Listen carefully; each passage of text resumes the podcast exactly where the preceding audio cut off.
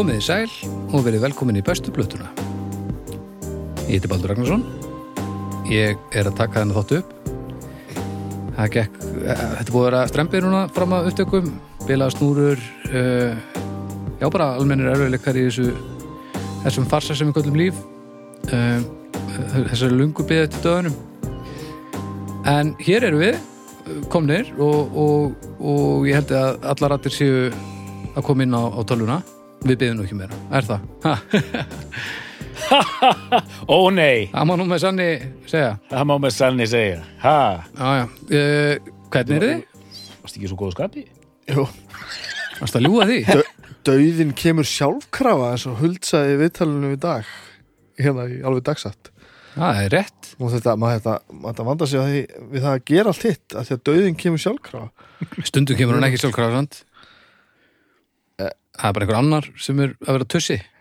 Já, en ég meina hann í, í verstafalli, skulum við segja, kemur á sjálfkrafa Jú, ég, ég er hérna, ég er helt góður, ég er mjög góður sko. Alveg, alveg, alveg ægilega, ég veit ekki hvað ég sitt samt svona. Nei, þú ert eins og ef þú verður í stúsigalanum þá verður við Þetta er ekki flattering staða sko. Þetta, nei. Við, Sýtur eins og við séum að taka upp sko síðasta þáttin Já, já, við, og hlustendur ef þið heyrið smell þá var það þegar að Bibi lamast fyrir það mitti þessi stelling er alveg ótrúlega slæm fyrir Já, allt. líka svona ekki Bara mannkynið. bumban kemur svona undan einhvern veginn Nei, og- þú ert er alveg eins og- girtur. og alveg er skrimsli. Já, við erum, þetta er alveg darskagerð við viljum ekki hafa tunnunu hérna lekkand út um allt En já, þeir eru nú komin hingað, þú ert doktor. Já, ég er dóttor og það er í hérna já, frá Edinborgars háskóla. Já. Já, hvernig hefur eitthvað heimsótt Edinborg síðan þú hættir að læra það? Já, já, ég sagt uh, einu sinni tvisar á ári hann alveg fyrst sko. Í- Eins og tjóðsar? Já, en núna hef ég ekki farið út af ímsu, Já, já, örgulega í tvö ár sko. Ok. Maður, ég bjóð hann í þrjú ár þannig að maður, við eignuðust fullt af vinum hamma þannig að það bara uh, fyrst um sinn fórum við út einu svona ári bara til að, til að hérna, heimsækja fólk. En er, bara að þetta, rækta lífið sem þú er búin að búa til. Algjörlega. en er þetta núna glataðir vinnir eða semst tappaðir eða Nei, nei, þeir eru þeir eru mjög- bara á sínum stað. þeir eru á sín stað, mjög kærir. Og bara um leið og, og það má aftur þá, þá verða vinafundir býða spennt eftir okkur sko. Já, það er fallegt að heyra. Og síðan eru þetta hægt að hafa sambandi gegnum ímiskonar tækja tól Já, já, það er hægt að síma í fólk. Já, já, en það er ekki það sama og þú veist. Svo er hægt að nota Zoom og, Já, já, og Meet og, og mít Meet, hvað er þetta? M-E-A Meet, M-E-A-T já, kjöt það er kjöt þetta fólk. Kjöt þetta Svo er hægt að fara á Hangout og það er hægt að fara á Google Plus maður þarf bara ekkert að fara út. FaceTime. En þú, baby hvernig er, hvernig er þú? Ég er hérna, ég er e- eiginlega alveg gríðalegur sko. Já. Ég er í ælu stuði, ég er hérna Já, allt og mikið að gera á mér en Nei. það er allt skemmtilegt já, það er eitthvað, það er eitthvað gott núna sko. það er svo mikið að gera á mér í vinnunni að það er ekki eðlilegt en það er það er sögulega gaman mætir hérna inn bara í því svingi já, ég veit ekki alveg hvað er að gerast þarna. frasarnir fara að vella hérna út kannski er ég bara einhver uppsveiflu og eitthvað, þú svoleiðis komið, og- getur komið með frasa fyrir bestu plötuna? Eitthvað svona sem við getum selt þetta sitt á. hvað, Besta plata. Vistu því svona miklu stuði? uh? Besta platan alltaf með þér já, Með þér, já, Á, það full, á fullum snúningi ég ég, ég, þetta er svo góður En ég er búin að vera að vinna svolítið með jingle núna í vinnunni. Ég er búin að semja eins jingle. Ég er að vona að þau rati bara í auðlýsingarna, sko. Góð mitt Nei, ég má það ekki. Nei, nei, nei. Ég, ég, ekki sko Be já, fyrir bestu hlutunum minnur. Eitthvað svona besta pla Nei, Já, byrju. þetta er, ó- þetta er ómikið söðurland sko. Já, já, þetta er svolítið svona Besta platan, betri en allar plötunar hans pappa þíns. mm, Mjög gott Við fara meiri svona þjóðlaga svona ljótu hálfvita Besta platan er fyrir alla líka þig, líka þig Eitthvað svona. En hvað, ertu í vinnun, ertu svona að laga svona Tingul sem er hún outdated eitthvað? Nei, nei, ég bara Frúin ég, keirir líka betri bíl frá bílasölu Guð finnst Og besta platan, hún er hér í bóði la la la la la la la Nei, nei, ég er bara, ég er full trúið að við sem að fara að keira inn í djingulun sko. Ok, ég til í það Öss, hvað verður mikið að gera með líka? Býtum við á vantar, er, það, er, er, er þetta verið svona hornir síður með jingulið? Að djingul, hafa verið svolítið átt bara í, sko, örugglega 20 árið eitthvað, sko. Það er nú besta auðlýsingastiði, það er ekstra þáttur einhvern tíðan Já, já, besta, besta auðlýsingalagið. Já. Besta auðlýsingaplatan. Besta, er Sko. ég er enda með eina, eina auðlýsingaplötu heima sem að, já, ég er búin að gleyma því. Ég er enda kúnunum okkur á pipari hérna KFC já, og ég á eitthvað, já ekki, ég fekk lána að því að það var bara að svo skall bara heimsfaraldur ná við erum bara ekki ná að klára. Þannig ég verið að gera, ég er með sjö tommu ég er með KFC sjö tommu heima sem ég ætla að færa yfir á, yfir á stafrænt form. Já, og ert það að kenna heimsvaraldunum að þú sért ekki búin að þeir? uh, já ég ætla að gera á ykkar Nice. út úr plusspilunum mínum, ekki hvað klikkaði Nei. en hérna, svo er engin pressa að skila blöndri, af því að þú veist, maður hittir ekki neitt þannig að þá hætti ég, að- ég er bara umingi þú veist, Fa já. faraldurinn er mjög góður það er einmitt sko það er að- það er bara, þú veist, ef, ef, ef fólk er rosa skapandi og gengur svo vel, þá er það faraldurinn að þakka já. fekk fókus, Já, já. en maður getur líka notað notað hitt Svo er þetta kvílt fyrir fólk eins og flosa faraldurinn, hann er bara Það alveg í dalalæðinni. Mér finnst til dæmis, ég- fann eh, ég veit að maður ekki segja eitthvað að, að manni finnst eitthvað til bóta eða eitthvað. En til dæmis hátíðarnar jól og páskar og svona Mm. eru betri núna. Af því að það er ekki default verið að fara í átta bóð á annan í jólum. Það þannig er að bara samt aldrei- slakin var bara miklu meiri. Það er bara enginn að ætlast til þess og sérst á, okkur stöðum. Ég hef aldrei lendið því að, verið þeim aðstæðum ég þurfa að fara í fullt af einhverjum bóðum það bara, kemur ekki upp Mæni. Nei, nei, það er í þú veist, þetta er ekki okkar megin þetta er bara, uh, það er engin bóð að þinga og þonga eitthvað, maður er bara yfirleitt í Ég, slakanum en ég er heldur ekki bara að tala um sko uh, að ég þurfa að vera einhverstaðar heldur allir aðrir Já, þurfa að vera já, já. samfélagi bara róast einhvern veginn að því fólk bara vaknar, vaknaði bara á jólanda og öðrum, öðrum jólum og var bara svolítið heima hjá sér sko. Já. það var svona einhvern veginn bara svona bara einhver svona, einhver ró yfir þessu sko. Vákvæður skemmtilegir Já, þetta var fínt, sko, ég er ánað með þetta. Heyriði, um, við ætlum nú tala nokkuð hluti. Hljóðkirkjan, Hljóðkirkjan. Uh, Dóttor, hvað þátt hefur þú aldrei hlustað á, á Hljóðkirkjunni? Fyrir utan þess að nýju, við erum ég búin að tala aldrei, svolítið um aldrei, hérna, ég, ég, ég aldrei hlustað á með, með, með kokkahakk í eirun Ú, vá, leikur á orðum. Smá grín. Búm, sidi, búm, sidi, búm. Og hálfvita jingle Q. Uh, já, ég hef aldrei hlustað á hann, en ég er rosalega til í að hlusta á hann sérstaklega eftir að mér hafa sagt bara rétt á hann þetta var algjörlega frábært. Já, já, hann, Óli, hann, hann er algjörmeistari Hann áttur að gera tvær serjur hjá Sjónsby Símans, Kokkaflakk og svo eins og snæbjörn með KFC uh, singulun sinn, þá gæti Óli ekki haldið áfram að gera það sem að honum þótti svo væntum, þannig að hann ákvaða snúa vörn í sókn og færa þetta yfir í hlaðarsform og það eru konir, þeir, ég heldur sjóðinni þrjáttu þættir og það er ekkert verið að tala bara um eitthvað að svo setur við smjörið á undan ísunni eitthvað, heldur er þetta svona vera að tala við fólku um menninguna og bara brautriðendur og Það er eitt þarna sem að mér líka finnst hrikalega skemmtilegt það er hérna er þetta hann sem eigandi og rekstraðali veitingastæðar Já.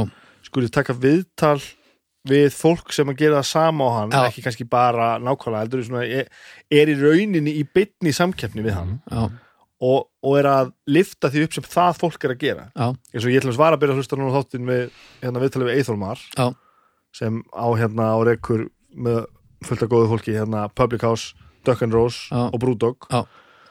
Og Public House er, er, er raunverulega hinum með við göttunum frá vinstúkunni sem Óli á. Já. Og hann gerir ekki annað heldur en að hvernig fólk til þess að fara á Public House Já. í stað fyrir að reyna að veiða fólki til sín sko. Það er Það er þessi, þessi hugsun að skilja að þegar að þegar að einhver gengur vel þá getur öllum gengið vel að þeir líka unnu eitthvað saman og, og, Já, og það eitthvað, er að tala um það þannig þessum þættir núna sem ég er bara nýbyrjar að hlusta á að þú veist, þeir ætla að fara að endurvekja það ef að, ef að, að hérna styrjöld, heimst, hérna, heimstyrjöldin, heimsfaraldur Rólegur? leifir að setja, þú veist, útiborð Já, og þá er það, þú veist þá, þá er það veitingastæðin í kring sem vinna saman í því, sko. Þetta er, þetta er bara Það að þessi hugsunarháttur, þetta er að sama og, og eins og Flósi var, hafði einhver ágjur að því hvort hann mætti hérna, minnast á önnur podcast í draugunum. Já, menna, a- a- a- sjálfsómar benda sem er vel gert að því að ég finn stundu fyrir því og þetta er svo, þetta er svo im, imprentað í, í fólk bara einhvern veginn að óhjákvæmulega þegar ég er að taka viðtölun mín sem eru löng og oft Finnst þið það? Já, þau eru oft löng. Og oftar en ekki við fólk sem að hérna eh, þú veist, svona opinbera persónur svona, þú veist, fólk sem fer í viðtöl. Já, að ef fólk er að segja að það hafi verið að segja hlutina í einhverjum öðrum viðtölum, einhverjum podcastum þá passar það sig á því að nefna ekki hlaðvarpi sem að saði þetta í, af kurtesis já, já, já. af kurtesi við mig. Og það er þá ég sem þarf að segja bara í hvað, í hvað þætti var þetta svo fólk geti farið og fundið þetta. Þú veist, að ég trúi því ekki að, að þátturum minn tap á því að þú veist að hlusta á eitthvað fleira. Nei. ég bara, veist, ég, ég, bara, ég skilir því ekki sko. Ef maður næra að gera dót sem er ekki rusl þá, þá er maður samkeppnishæfur sama hvað og þá, maður á að benda á það sem er velgert það er bara þannig. Það auðvitað hlýtur maður, þetta er fyrst og fremst eigum við þetta sammeila óhafamál sem er snildalega formatið podcast sem er held ég opnasti miðill bara sem er í gangi í dag, ég held að sé ekkert sem er Nei, eins þetta er- og það getur hver sem er farið í þetta búið til þá steik sem viðkomandi við búið til og það getur í alveginu fengið hljóngrun sko. það er mjög gaman að það vinna er ekkert annað plattform sem býður upp á þetta. Gaman að vera að vinna á ölsingastofununa og hérna fylgjast með. Það, það er total panik út af podcastum. Núna er kunnin að byrja að fatta að virkilega að það sé að auglist í podcastum og það virki. Það er ekkert mótel til, það veit enginn hvað að gera, það er bara, það er bara svona vilt af vestri og það veit enginn hvað að rukka, það veit enginn hvern, hver á að tala við hvern og ekki neitt sko. Já, þetta, þetta er að gera stratt og þetta, þetta, þetta þetta, mun allt saman enda vel. Herra, við skulum líka tala um, um styrtaraðalinn okkar. Æjá, það eru Lucky Records. Lucky, Lucky Records. Ég var að fatta það, það er langt sinni ég var í Lucky Records. Ok, það er ólíkt þér. Það er mjög ólíkt mér. Já, það hefur held ég eitthvað með að gera ég hef verið óverið mikið á bíl. Já, þegar ég lappa fyrir pipar á hlem til að taka strætó, þá er stutt í Lucky. Klára vinnuna klára 5 uh, rusla með stað, strætó kemur á kortursvesti á þessum tíma, muna engu hún var Nei. skeppi, Nei, kortur eða hálftíma. Og, og hérna, og tekja þess á þessu. Ég hérna, það pyrra mig ég á ekki að segja þetta. Helvít skríman pyrra mig því ég fæ svo mikla móða á glerunum þegar ég er hún alveg Ég sama hér, spenntur að fletta plötunum orðin, orðin æstur þá sé ég ekki plötunar Ég verið að fara í aðgerð Farið aðgerð bara Þetta er að eðilegja fyrir mér ég er búin að fara í aðgerð, ég er búin að fá COVID sko. Nei, ég er að tala um að láta það bondaður augun bara. Laser bara. Já, Já, ég, það er líka að fá bara spreyvist sem að spreyja á glerunum sín og kemur ekki móða ég er bara ekki móða ég ætla að spreyja augun á þér og ég pínu að vona að það myndi gera það af því En að það Lucky, verður hryllilegt. Lucky, Lucky, Lucky bara, Já, Lucky, Lucky, vertu Lucky og fari Lucky. Já, verður vínil, kannski Lucky, Lucky. Ef þið á annar borð uh, hlustið á vínilplötur hafið áhuga á vínilplötum þá skulle ekki taka þessi sjálfsögum hlut hvað er stórkostleg búð Já. í bakarennum hjá okkur sem þjónustar okkur. Já, ó, internetinu. Lucky Records já, og, og, og internetinu.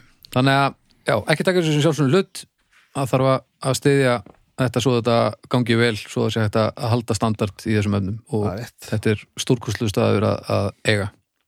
Eitt getur við bloggaðið við bútt já, uh, Ef að þú ert ekki að fara með rátt mál sem þú sagðir hérna rétt árum restum mikrofónuna, þá erum við í sjónvarpin í kvöld Já, býtu, já, þessi þáttur er núna þeir eru að hlusta á þetta núna er það ekki, nú er klukkan eftir tvo daga, Já, nú er miðgudagur nú er að það er ekki morgunldur hinn það er föstu dagur Mér skilst á föstudagskvöldi að þá hérna sé þarna sérstök útgáfa getur betur Ú, í sjónvarpinu og hver, hverjir hafi sko óvænt Já, hittust bara, hittust bara á planinu, við erum ekki hugmyndum við erum bara Já, báðir í ok. og voru saman í liði voru saman í Nei. og var, það var hérna Er ég svo eini í bestu plötunni sem að hefur var aldrei getur byttuliði?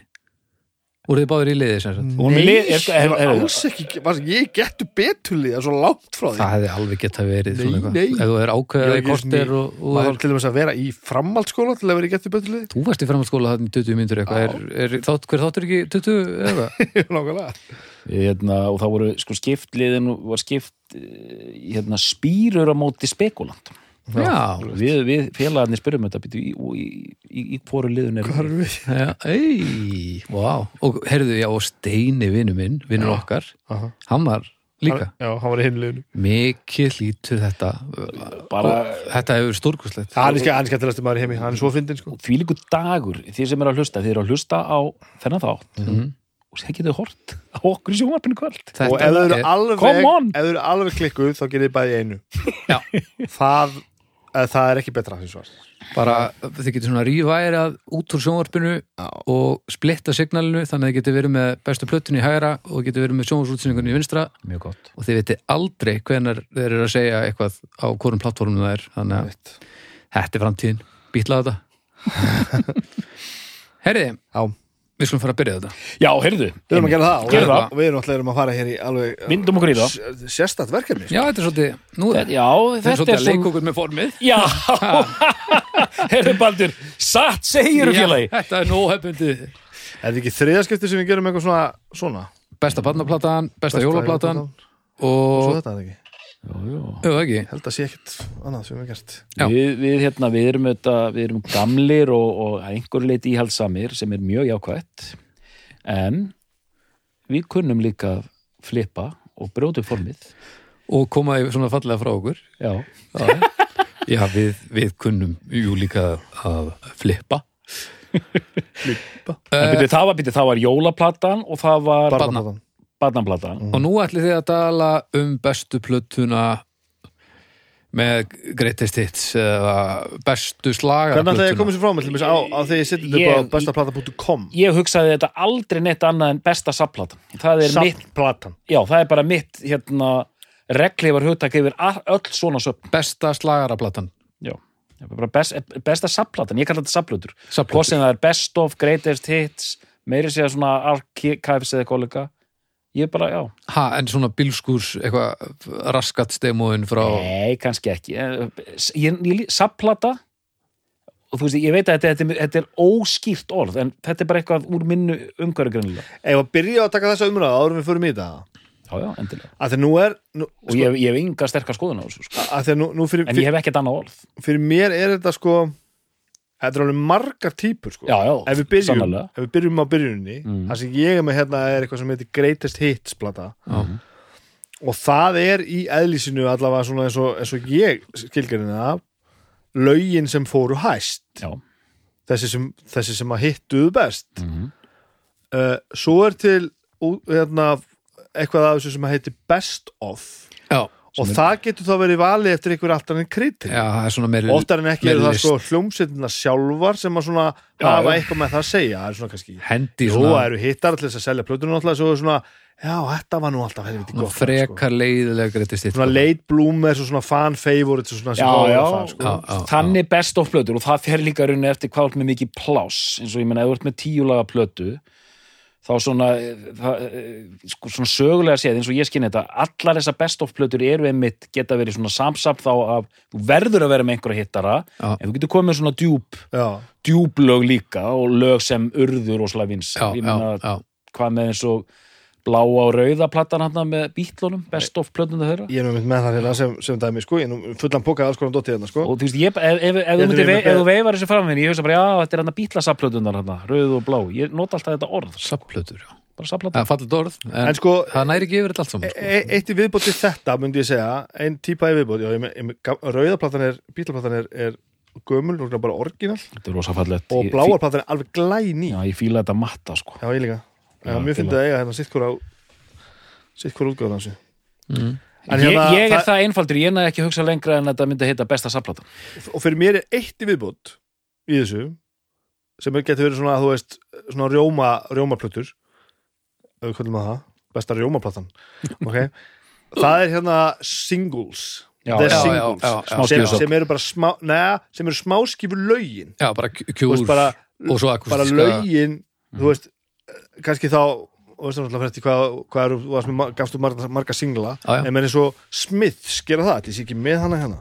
Þetta er bara the singles. Kjúr er náttúrulega alveg er það að segja það?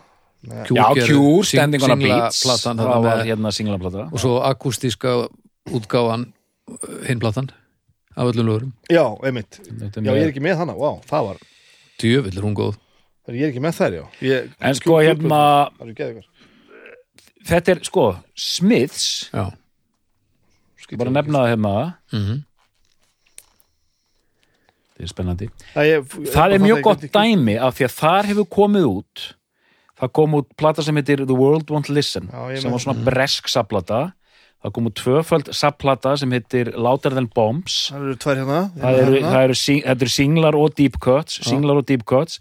Það kemur síðan miklu setna komu plötur sem hétu The Smiths Best 1, Já. The Smiths Best Já. 2, Já. síðan kemur Smiths The Singles, síðan er líka til sapplata úr útastáttum hérna Hatful of Hollow, það er bí- bílsessjón mm, ka- þetta kalla ég allt sapplötur já, Og svo eru sapplötur viðbútt sem eru sko bjelliðar og outtakes. Já, sem er svona, þú veist, eitthvað sem að þú svona, já, það er efni sem eru ekki komið út. Þetta er bara sem að hefur ekki pláss annar staðar einhvern veginn. Bjelliðasöfn Já, en ég meðan það er ekki þú myndir aldrei flokka það undir þetta sem Það- það- greitast hitt alls ekki, það var ekki Er það þá ekki sapplata í þínum ögum?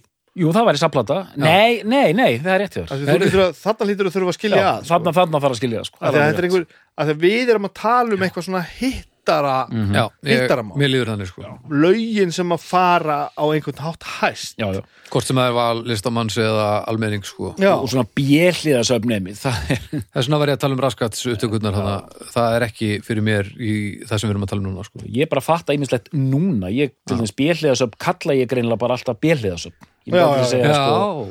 Eða er, er hægt að segja, já, þetta er hann að sapplata með, það eru bjelliðar á þessari sapplatu Bjesaplata bjelliða sapplata ég er, ég er ekki viss sko. Nei. ég man hann að Killer Bees, Anthrax. Já, já, já, til dæmis. Killer Bees, já. Já, en, en, já, en við þú, þú finnur eitthvað út úr þessu? Já, ég, ég, ég mitt sko, algjörlega sko. Er besta, þetta er svo, þú veist, það var besta jólaplatan, besta barnaplatan, það er einfar mm og það er auðvitað komin titill á þetta núna. Platan sem að ég ég tefli fram sem bestu ég ætla að kalla þetta greatest hits Já. af því að þessi plata heiti greatest hits, greatest hits. Bestu greatest hits plötu allra tíma. Aha. það er Queen greatest hits frá árunum 1981 besta smellaplatan. Smellaplatan. Smetla, Smetlaplata, en það er þetta, þá er þetta ekki smellaplata, af því þetta er bæði og. Já, já, já, þú ætlar að stilla. En, já, en menn, Ok, þetta er líka bara þessi þáttur líka efni í þessa umræðu sem skemmt Einmitt, ég ætla hérna, ok, já, sko e, e, við þurfum kannski að tala aðeins um hljóðastæra Queen. Mm. hljóðastæra Queen stofnuð árið 1970 uh, og þessi plata kemur út 1981 mm. og spannar ég veit ekki hvað þetta eru margar plötur nú að vera að fara vera, vera til á Google-inu, það eru ansi margar sko, já, í þessari röð.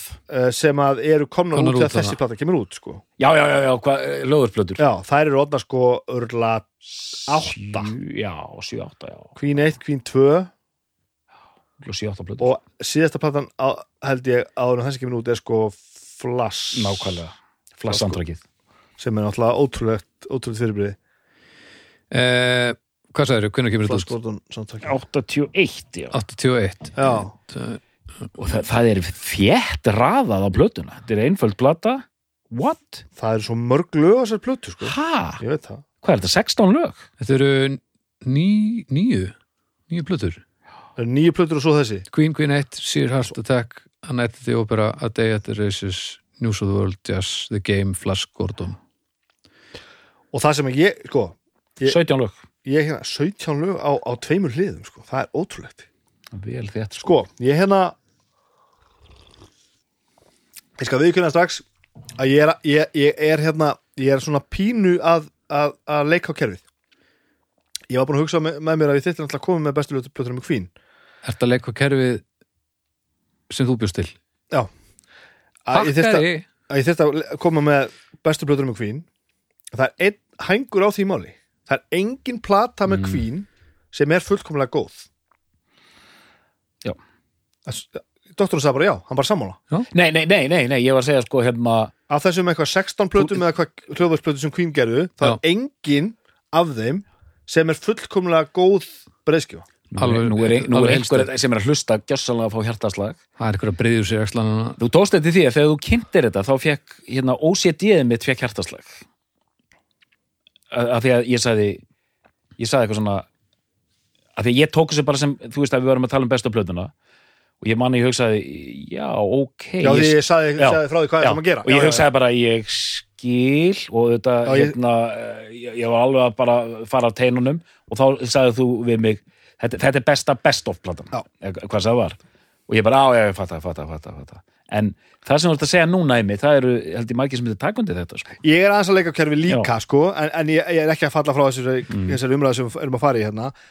Uh, ég, ég hef ekki hlustað a- alveg 100% grundíkt á allan Kiss katalógin En sko, Nei, Kiss Queen katalógin byrjar að ká, nema Queen. En, þú, ert- já, og heldur ekki Kiss katalógin en, en hérna Queen eh, og, en það sem ég hef hlustað á og, og, og, og þú veist, ég hef, ég hef, ég hafi heyrt öll breiðskíflögin með Queen. Ég hef á einhverjum punkti renda öllum þessum plötum sko, með mismikið aðtegli það er engin plata með Queen sem er fullkomlega góð. Og það eru meira að segja þannig að fyllerarnir eru stundum alveg öskrandi mikli, mikli, mikli já. sko. alveg bara, veist, á, af hverju eru þessu svona mikli fyllerar En- Floss- baldi sko. En ég vil bara, bara benda það, þetta er minn þáttur og uh, við erum ekki að fara að tala um Queen eins og það komið möguleik annar Queen þáttur þetta á að snúast fyrst, um, uh, fyrst og fremst um þú veist, bestu uh, subplötuna, greatest hit plötuna já, já, ok, ég, er- ég er saman því og, og þú veist og, og, og, og þetta má heldur ekki horfa, horfa framhjáði hvað Queen er náttúrulega ævitölu hljómsett en það verður fyrir viki kannski líka bara enn meira æpandi að þú veist bestu lögin, það, það, veist, það eru meira sér ekki marga kvínplötu sem innihalda ekki framúrskrandi lög. Það eru til reyndar sko Já, en langflesta kvínplötunar sem eru mjög margar innihalda lög sem að sko hvert einasta band í heiminum myndi gefa alla útlýmina fyrir að hafa samið já, já. já, já, og band sem er sko og að- band sem að það sem að allir meðleimindir eru, eru, eru sko færir um að semja svona ævintýralega ævintýralega tónsmiðar já, já. að það skulle einhvern veginn falla á hverju einustu plötu lög sem að eru bara enga með samkemnsef bara, þau eru bara ekkert skemmtilega, bara ekkert við þau sko. Það er mjög skrítið. Bara svona uh, fyllerar döðans. Og það er eins og, já og ég veit ekki hvort þetta er eitthvað bara eitthvað í sko samstarfinu eða tíðarandarum eða hvað þetta er, hvort það hefur bara þótt í lægi að hafa þetta svona. Þú veist, hvort það hefur bara uh, verið hlaðið í þrjú, fjögur monster lög og svo bara fyllt upp í mér rest að þið þá bara selja veist, ég, ég átta ekki alveg á þessu sko. svo merkilegt sko að því við höfum oft talað um það hérna í þáttunum, eins og þetta segja núna. Við erum alltaf að leita um þetta besta platan og, og þegar besta platan þá er hún mjög heilsteift og, venjulega. og, og það er það sem að dræfar okkur, það er Já. ástriðan hjá okkur. Já, það er að finna þessa plötu. Þar sem þú ert með tíu lög sem eru öll mjög góð. Já, og þú bara svona horfir á plötuna og það er bara eitthvað tilfinningu þú sérð plöt, plötu umslæðið að þú gefur þér bara svona einhverja heilstæða líðan, sko. En ég veit sko eins og þú ert að segja með, með Queen og ég kann ekki að hérna, mér svolítið fyndi ef þetta var kannski þeir voru þá kannski þannig að að það er auðvitað að tala um það kringum 2000 og bara núna áfram að s- heila plötur í dag eru mjög mikið keirðar á singlum Já. og þær eru alltaf þessi kallað svona frontlótaðar það eru fyrstu þrjú lögin eru bara einhver geggjaðir smellir sem koma kannski sjö fyllirar sko. En þetta fer dálítið eftir geirum. Það var hægt að spotta þetta mjög vel í einhver svona í, í poptónlist. En ég meina Queen hérna já, ég veit ekkert hvað er að fara um þetta. Mér finnst þetta bara aðeinslega. Mér er þess að eins og hljómsveit eins og Led Zeppelin þar er hérna það er, það er þetta svona mýta um að það sé allar plötna þeirra séu mestarverk sem þeir eru alls ekki sko. Það er alltaf einhverju tveir hundar sko. Hverju- já, já. En- Já, og með þess að þeir hundar eru þannig, sko, að þetta er svona blúskoti, sko. Það er næstum því stundum á, á Seppelin. Nú er ég ekki Seppelin sérfræðingur og í guðanabarum ekki senda mér hattuspost. En það er stundum eins og þeir hafi bara kveikt á mækonum og spilað inn eins og eitt lag, eitt góðan blústandard. Það finnst svo til að þeir eru allir bestir í því í heiminum, þannig að þetta verður náttúrulega Í það, það þetta verður svona above average það. en það er breytið því ekki, þetta verður ekki samkjöfnisætt við bestu lögin þeirra. En það þarf enginn að segja mér að þeir hafi ekki, ekki gert það, bara talið í. En sen er eitt með þessa plötu hérna að því að við erum að tala um hérna greatest hits. Ég veit ekki þetta er, eh, stendur ekki the singles. Greatest hits, ég veit ekki eins og hvort að þetta eru allt singlalög eða Ég held ekki. Nei, einmitt. Og það skiptir ekki máli. Ég sé, hérna er eitt gert við getum farið í ímsar átti með þetta sem fer auðvitað ég er svo mikill bókasapsfræðingur hvað þetta var, mér, mér finnst alltaf best fyrir mig að hafa þetta í réttri röð. Réttu mér hitt eintakið mitt þannig að Baldur. En hérna Svo ég komið hinn og aði, ég er með tvö eins eintök hérna. að það þarf ekki þannig er þessu raðað eftir fíl. Já, en ekki í einhverju rö- tímaröð eða eitthvað svo nei, emitt, þú, þú það- er að vera að búa til plötu sem rúlar En það er kannski stórpartur að ég er með þessa plötu þetta mm. Það er vegna þess já, að hún kemur manni fyrir sjónir eins og plata. Mm. hún er heilstæð, hún er með upphaf endi, það er með þess að auðvitað náttúrulega heyrir maður sérstaklega núna eftir að, ég heyri þetta náttúrulega fyrst bara sem krakki sko, Mhm. og núna heyrir maður auðvitað auðvitað passa próduseringarnir ekkert alveg saman. Það, lögin Mm. sound ekkert eins Nei, nei, nei, nei, en það er samt eitt sem að ég held að gera verkum að þessi plata uh, uh, verður svona heilstæð hún kemur út 81 Mhm. eru búinir að gefa út Mhm. Go- Gord, heitir samtökið Flash Gordon? Mhm. lægi heitir allavega Flash. Já, já. og, Þeir bara gerðu held í allt sándvakið en þetta, þeir er já þeir gerðu það sko. Og, og, og það er bara held í skilgjönd sem Queen plata sko. En, en þeir eru ekki dottnir í 80-sið Nei, sko. Þannig, að, þannig að þú veist það er að, þú kemur út á þessum tíma 81 þá, þá verður heildar hljómurinn hann verður frekar heilstæður vegna þess að það er ekki 80s brjálaði þarna Nei. að vera að kera það í bakgrunni sko, eða annarkvæmt lag eða eitthvað Þeir eru í svona Sko- 80s göllum framan á en þetta er 70s sabla Ég skal segja ykkur svolítið núna Mhm. Greatest Hit Great er, er compilation album með Queen Já. sem uh, hún, henn, uh, hún var gefin út uh, á heimsvísu 27. oktober 1981 Mhm. Já, uh, Platan inni heldur stærstu hittara Queen frá þeir komist fyrst á, á vinsaldalista 74 með Seven Seas of Rye sem er bara fyrsta plataðana held ég fram til 1980 hittarinn Flash uh, en í sömumlöndum var það undir pressur uh, ertu að lesa af íslensku Wikipedia? Nei, there was no universal Já. track listing or cover art for the album and each territory's track, tracks were dependent on what singles had been released there and Já. which were successful Ha? uh -huh.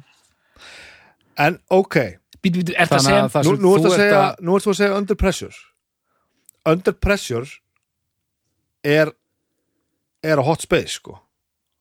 Já, en, og það er plata sem kemur út 82 En ertu að segja en á mér sömum útgáfum af þessu ef ég er ekki að fara með var það. Under mér? Pressure, Er nei, það var 81 kemur út 81 Já, en það er sem sagt á einhverjum Já, ok, greatest hits blötum, þetta fer bara eftir ég hef sér bandaríska útgáfur þa það sem að Under Pressure er ég held að það veri setni tíma útgáfur sko.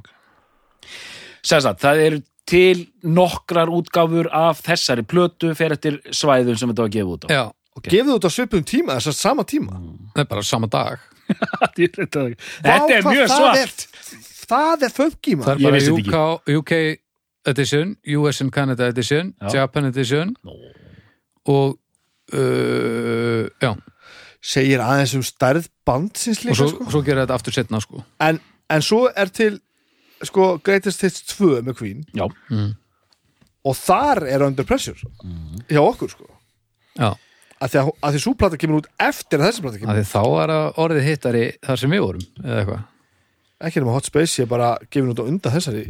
Fyndið þetta með Greatest Hits 2 hún er með svona, þetta svona voldugt umslag, einhver kongablár. Byttu við, það er svona grafist umslag. Mm -hmm. ég held að bandaríska útgáðan þessari plötu sem við erum að horfa á hérna er alveg eins nefnir öru lit. Og- komum þetta á sínum tíma? Gefin út 81, ah. ég held að þetta cover sem við þekkjum þetta svarta hérna með myndinni framan á af þeim, ljósmyndinni það er ekki bandarísk útgáð, ég held að það sé í sömu grafísku útgáfinni og þessi þetta sem þú ert að lýsa. Súplata kemur út 91 Súplata 2 það er með bláu kofurinu þarna. Já. Já. En Great State 1 Já. hún er til með eins coveri í öðrum lit Já, það er svona sko, og svo er og súplata er 91 og svo held ég sé bara ein hljóðasplata er ekki síðasta hljóðs, hljóðasplata með Queen er bara 94 já, hún er til rauð líka já. 92 US edition 92, Greatest Hit. eða setni, setni tíma Já. já, það er saman með þennan setna okay. síðasta platan með þeim þegar Freddy er enn með þeim er hérna Innuendo, kom út 91 síðan koma út einhverjar já, já, já. ble-ble plötur Innuendo. Að því svo er til Greatest Hits 3 Já. þá, þá, þá er þetta orðið dálítið ríkt í róðinu já, sko. það er bara eitthvað live upptökur og alls konar dót og það er bara að vera að kera svolítið á hérna. En ég fíla þessa bláu plötu. Ég, ég er eiginlega farin að halda Hún kemur 99 rá, rákenning ég, er ég held ég fíla eiginlega 80s Queen betur heldur en 70s Herri, það komið líka óvart að ég var ekki búin að hlusta á þessu plötu svo lengi hérna. Ég ákvað að þetta var besta Greatest Hits platar í heiminum. Og ég, og ég var ekki sem búin að hlusta á hana ég bara, hún gaf mér þessa tilfinningu. Og ég fatt að ég er búin að hlusta á Greatest Hits 2 líka svo mikið. Mm. á fullt af lögum á henni sem ég held að voru þessari. Já, og það segir maður alltaf hvað bandið er ævintýrlega gott. Já, já. Já, það getur líka ef- að vera á einhverjum öðrum plötum. Að fara að þessi Þessari? tracklistan hérna? Já, geru það. Því- Let's do it. Því ekki það, ef einhver tímann. Sko Bohemian Rhapsody. Að byrja þannig. Hvað lag er Það það? er, það er gott lag. A No One Bites the Dust. Já, Killer Queen. Dí, dí, Já, já, já. Fat Bottom Girls. Já, Bicycle Race. You're My Best Friend. My best friend. Don't Stop Me Now. Stop. og Save Me.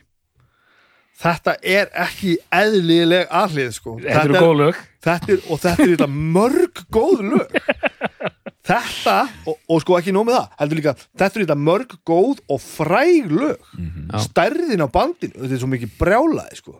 Þetta er líka vel hefnuð saplata að því leitinu til að gefa okkur svona mörg lög á einfaldri plötu. Það hefur verið hugsað aldrei um neytandum. já, góða punktur já, alltaf fram hlið 2 Crazy Little Thing Called Love Dýrka það. Somebody to Love svo fer að koma svo, ke, svo kemur dalurinn í plötunni sko. Mm, ok, ok. Now I'm Here, sem er þetta gott lag Good Old Fashioned Lover Boy Play the Game, Flash og svo er þrjú síðustu lögin Seven Seas of Rye, We Will Rock You og We Are the Champions þannig að hún tekur náttúrulega gríðalegt Endar á hægi. já, þú veist þetta, þe- þetta er ekki eðlilegt safn af lögum, sko. þetta er bara ekki eðlilegt safn af lögum Þessi útgáfa er 58 myndur og, og 44 sekundur það er þétt skorið maður. US Kanada er 47 myndur og 58 Já, þeir hafa hent út lögum þá. Já, já, já. og Japan er klukkutími 37 Þetta er á, þetta á tveimur liðum eða? Já, það lítur að Nei, klukkutími 37, sá það klukkutími og 37. Það er nú klukkutími bara- og bara- 37 sekundur Þá er þetta tvöfald. sko. Það er tvöfald. en En sko, þetta er- eða, en samt það er ekki talað um hlið 1 og hlið 2 þannig að, Herri, þetta er fálka blada.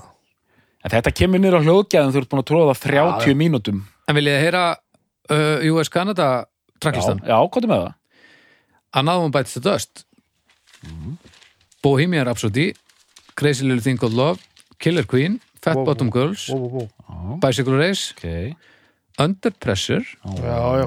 We Will Rock You Já. We Are the Champions, Flash, Somebody to Love You're My Best Friend Keep Yourself Alive Single Version in Mono eitthvað Það er ekki hérna. og Play the Game En þú veist, það er einmitt, hvað er þetta Áhugavert. good old fashioned lover boy, ég, ég, ég man ekki eins og eftir þessu lagi. Ekki viss hvað er í Þetta er sama útgáðan. Næru, hér erum við með Ég hef sitt hvora Jú, þetta er fólk útgáðan bæði. Já, þi- já, þú, já, já, þetta er fálkin hérna, ís, Íslensk pressa, Já, báðar. Sko, og svo er japanska bara enn eitthvað en sko ef við til dæmis höldum áfram að tala um besta sapplatan eða, þetta þema besta greatest hits platan, hvernig sem við viljum orða það hérna ertu komið plötusnæpjöld sem er, sko, er eða var eða eitthvað, þetta var og er til á hverju einasta heimilimanni, sko, Já, já. þetta er plata sem að sá já Hún er rosaleg sko og, og, og þetta seldist og seldist og Mm. Já, seldist, já. og. En ég meina eðlilega, tracklistin er ekki eðlilegur, ég náttúrulega var ekki til in the 70s Mm. nema að litlu leiti og þá ekki sjálfberga þannig ég átta mikið alveg á því sko hvernig neytendur neittu kljóstranna kvín. Nei. en þú veist, mér finnst ekki talað mikið um breiðskifunar með kvín Nei, meða við, þú veist ekki með að við starðu bandi, nei. Nei, með það sem maður heyri, þú veist, að Zeppelin 2 hún er best, þú veist það bara að náðu breykkuð þeim wall maður, þú veist bara allt þetta Já, dót, þú veist, Já, ma maður þekkir allt þetta. Þú veist, kannski svona sumur hliðstæðar hljómsveitir, alltaf að tala um meistarverki og svona, það er ekki mikið gert með kvín, En þannig ertu þetta, þetta er eins og með ABBA, þetta er rosalega stert band hvað varðar að semja góð útvarps já, lög já, Já. já, já. með bara flottum hérna við lögum og, og bara, sama element hljóma einföld Já. eru það ekki já, já. sumur endar kvínlögin eru ævintýralega einföld já, já, búm, búm, diss og það allt saman og en fat bottom, fat, fat bottom girls það er bara eitt einfalt lag sem þú bara spilar sko. það er bara djútaspíslag í dölabúning og, og, en það er galdurinn er alger sko. Við vorum einmitt að vandrast þegar við vorum með ABBA þáttin að, að, að það voru einmitt plötunar þeirra voru kannski ekkert það voru alltaf einhverjir svaka hundar þar ekki alltaf, en stundum já Ég er bara svona spá sko að þú það veist- er að þegar tindarnir voru svo djúvill háir og það er svolítið það saman með þetta sko. þegar Það þú semur, það þegar þú hittir á svona ógeðslega góð lög þá verða fín lög svo leiðileg Já, ég held að þetta sé rétt hjá þér, sko. En toleransin virðist hafa verið auðvitað náttúrulega framleiða er rosalega hratt. Hvað það eru nýju plötu fram að þessari? Fyrsta kvínbata kemur út sko 74 Já, já, og þessi kemur 81. heyri vinnunni Það er búið að, það er búið að berja át plötur á þessum Það tíma. sko. getur valla allt verið gott sko En, en fjöldin af lögum, sko. Ég held að þetta sé platan, ég held að, held að Roger Taylor er ekkert lag á þessar plötu. Það var ekki Roger Taylor sem á ekkert. En svo, á, hann hafði sett ekki átt lag sem að fór á svona hátt á vinstalista eða engan singul eða eitthvað fram að þessu. En svo fór hann að semja en því Eiris alveg á fullu. Já, þannig að allir fjóri meðlum, meðlum í kvín eiga lag sem hefur farið held ég efst já, á, á, á hérna, vinstalista En sko sapplötur, þetta hefur þetta verið bara holtsteinn í svona eh, dægur tónlistarsögunni já, já. Elvis Presley gaf út eitthvað gold discs eða eitthvað líka já. og þetta kemur bara út reglulega og það var, hann einmitt sapnaði saman singlum á þessum gold discs plötum Já. Uh, og við sjáum þetta gerast og þú veist hérna þetta eru plötur sem eru að koma út síðan geisladiskar og svona nú er, sem hefur þótt áhugaverð þróun, er þetta alveg að leysa þetta af hérna This Is, hérna fítusinn á Spotify já, já, já, og kemur bara Já, This já. Is Queen. Já, og þá er þetta stundin kannski tveir tímar eitthvað svo leiðis bústugur sko spotti með, það er séð til þess að allir smellinni síðan og síðan farið fullt af deep cuts. Sagðir bústugur spotti? Bústinn spotti mér er alveg sama þó að segja bústinn spotti. Þetta er doktorsmál. Ég, ég myndi, þetta er frasið sem ég myndi ekki treysta mér í. En svo líka var annað sem tók við að þessu áður. Það var demotakkin á dismanninu þegar hann spilaði bara tíu sekundur á hverju lagi. Já, svona skanna Djöfull notaði maður hann aldrei. Hann var alveg rikkur í vasanum. En sko, já, það er svona ákveðið þróun sem við erum að sjá með þetta þessi stafræna þróun að búa til einhvers konar safn þegar fólk vil heyra bara toppana sko. sko eh,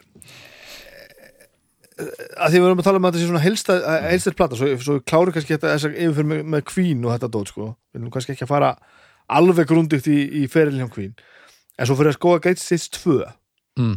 og þar er þú veist I Want to Break Free. Uh, lestu til dæmis bara tracklistana fyrir mig svona, allavega helstu lögin sko. Uh, þá fattaði ég bara veist að, þessi plata hérna sem ég held á hérna sem að maður, ég held einhvern veginn að væri svona hittara, hittara platan það vantar að ekkert eðla mikið af kvínlögum sem að allir þekkja sko. Já, já. Sko, tracklisting. Kind of Magic Under Pressure Radio Gaga. Radio Gaga er hana I Want It All I Want to Break Free. Innuendo It's a, it's a Hard Life Breakthrough. Uh, Who Wants to Live Forever. Frábært. Ah, uh, finnst þér það? Já, ég elska það. Já, ok, það- þannig er pínu svona ah, Headlong, The Miracle I'm Going Slightly Mad. I'm going The sliding Invisible Man Hammer to Fall. Sem gæti nú verið besta kvínleið Friends Will Be Friends. The Show Must Go On. One Vision. Þú veist, One Vision. Já, Þetta er ef, ef, ef, ef við hefum tekið út fjögur til fimm lög af þessari blötu hérna og sett fjögur til fimm lög af úr framtíðinni. Það er eins og að raskar jafnvæginu upp á sound að gera af því að við erum, erum helvíti duglegir í hljómborunum og tímalínunni, við mögum ekki glemma því.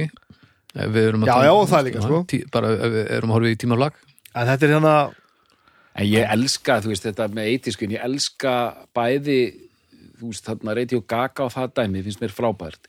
Mér finnst frábært stöfið sem þið gerðu fyrir Highlander og síðan finnst mér líka þegar þeir eru nánastóttin svolítið kjánalegir, eins og á þessari breakthrough plötu, nei, hvað heitir hún, hérna, heitir ekki breakthrough platan, hérna, með andlitin, hérna, Já, platan með já, með andlitunum.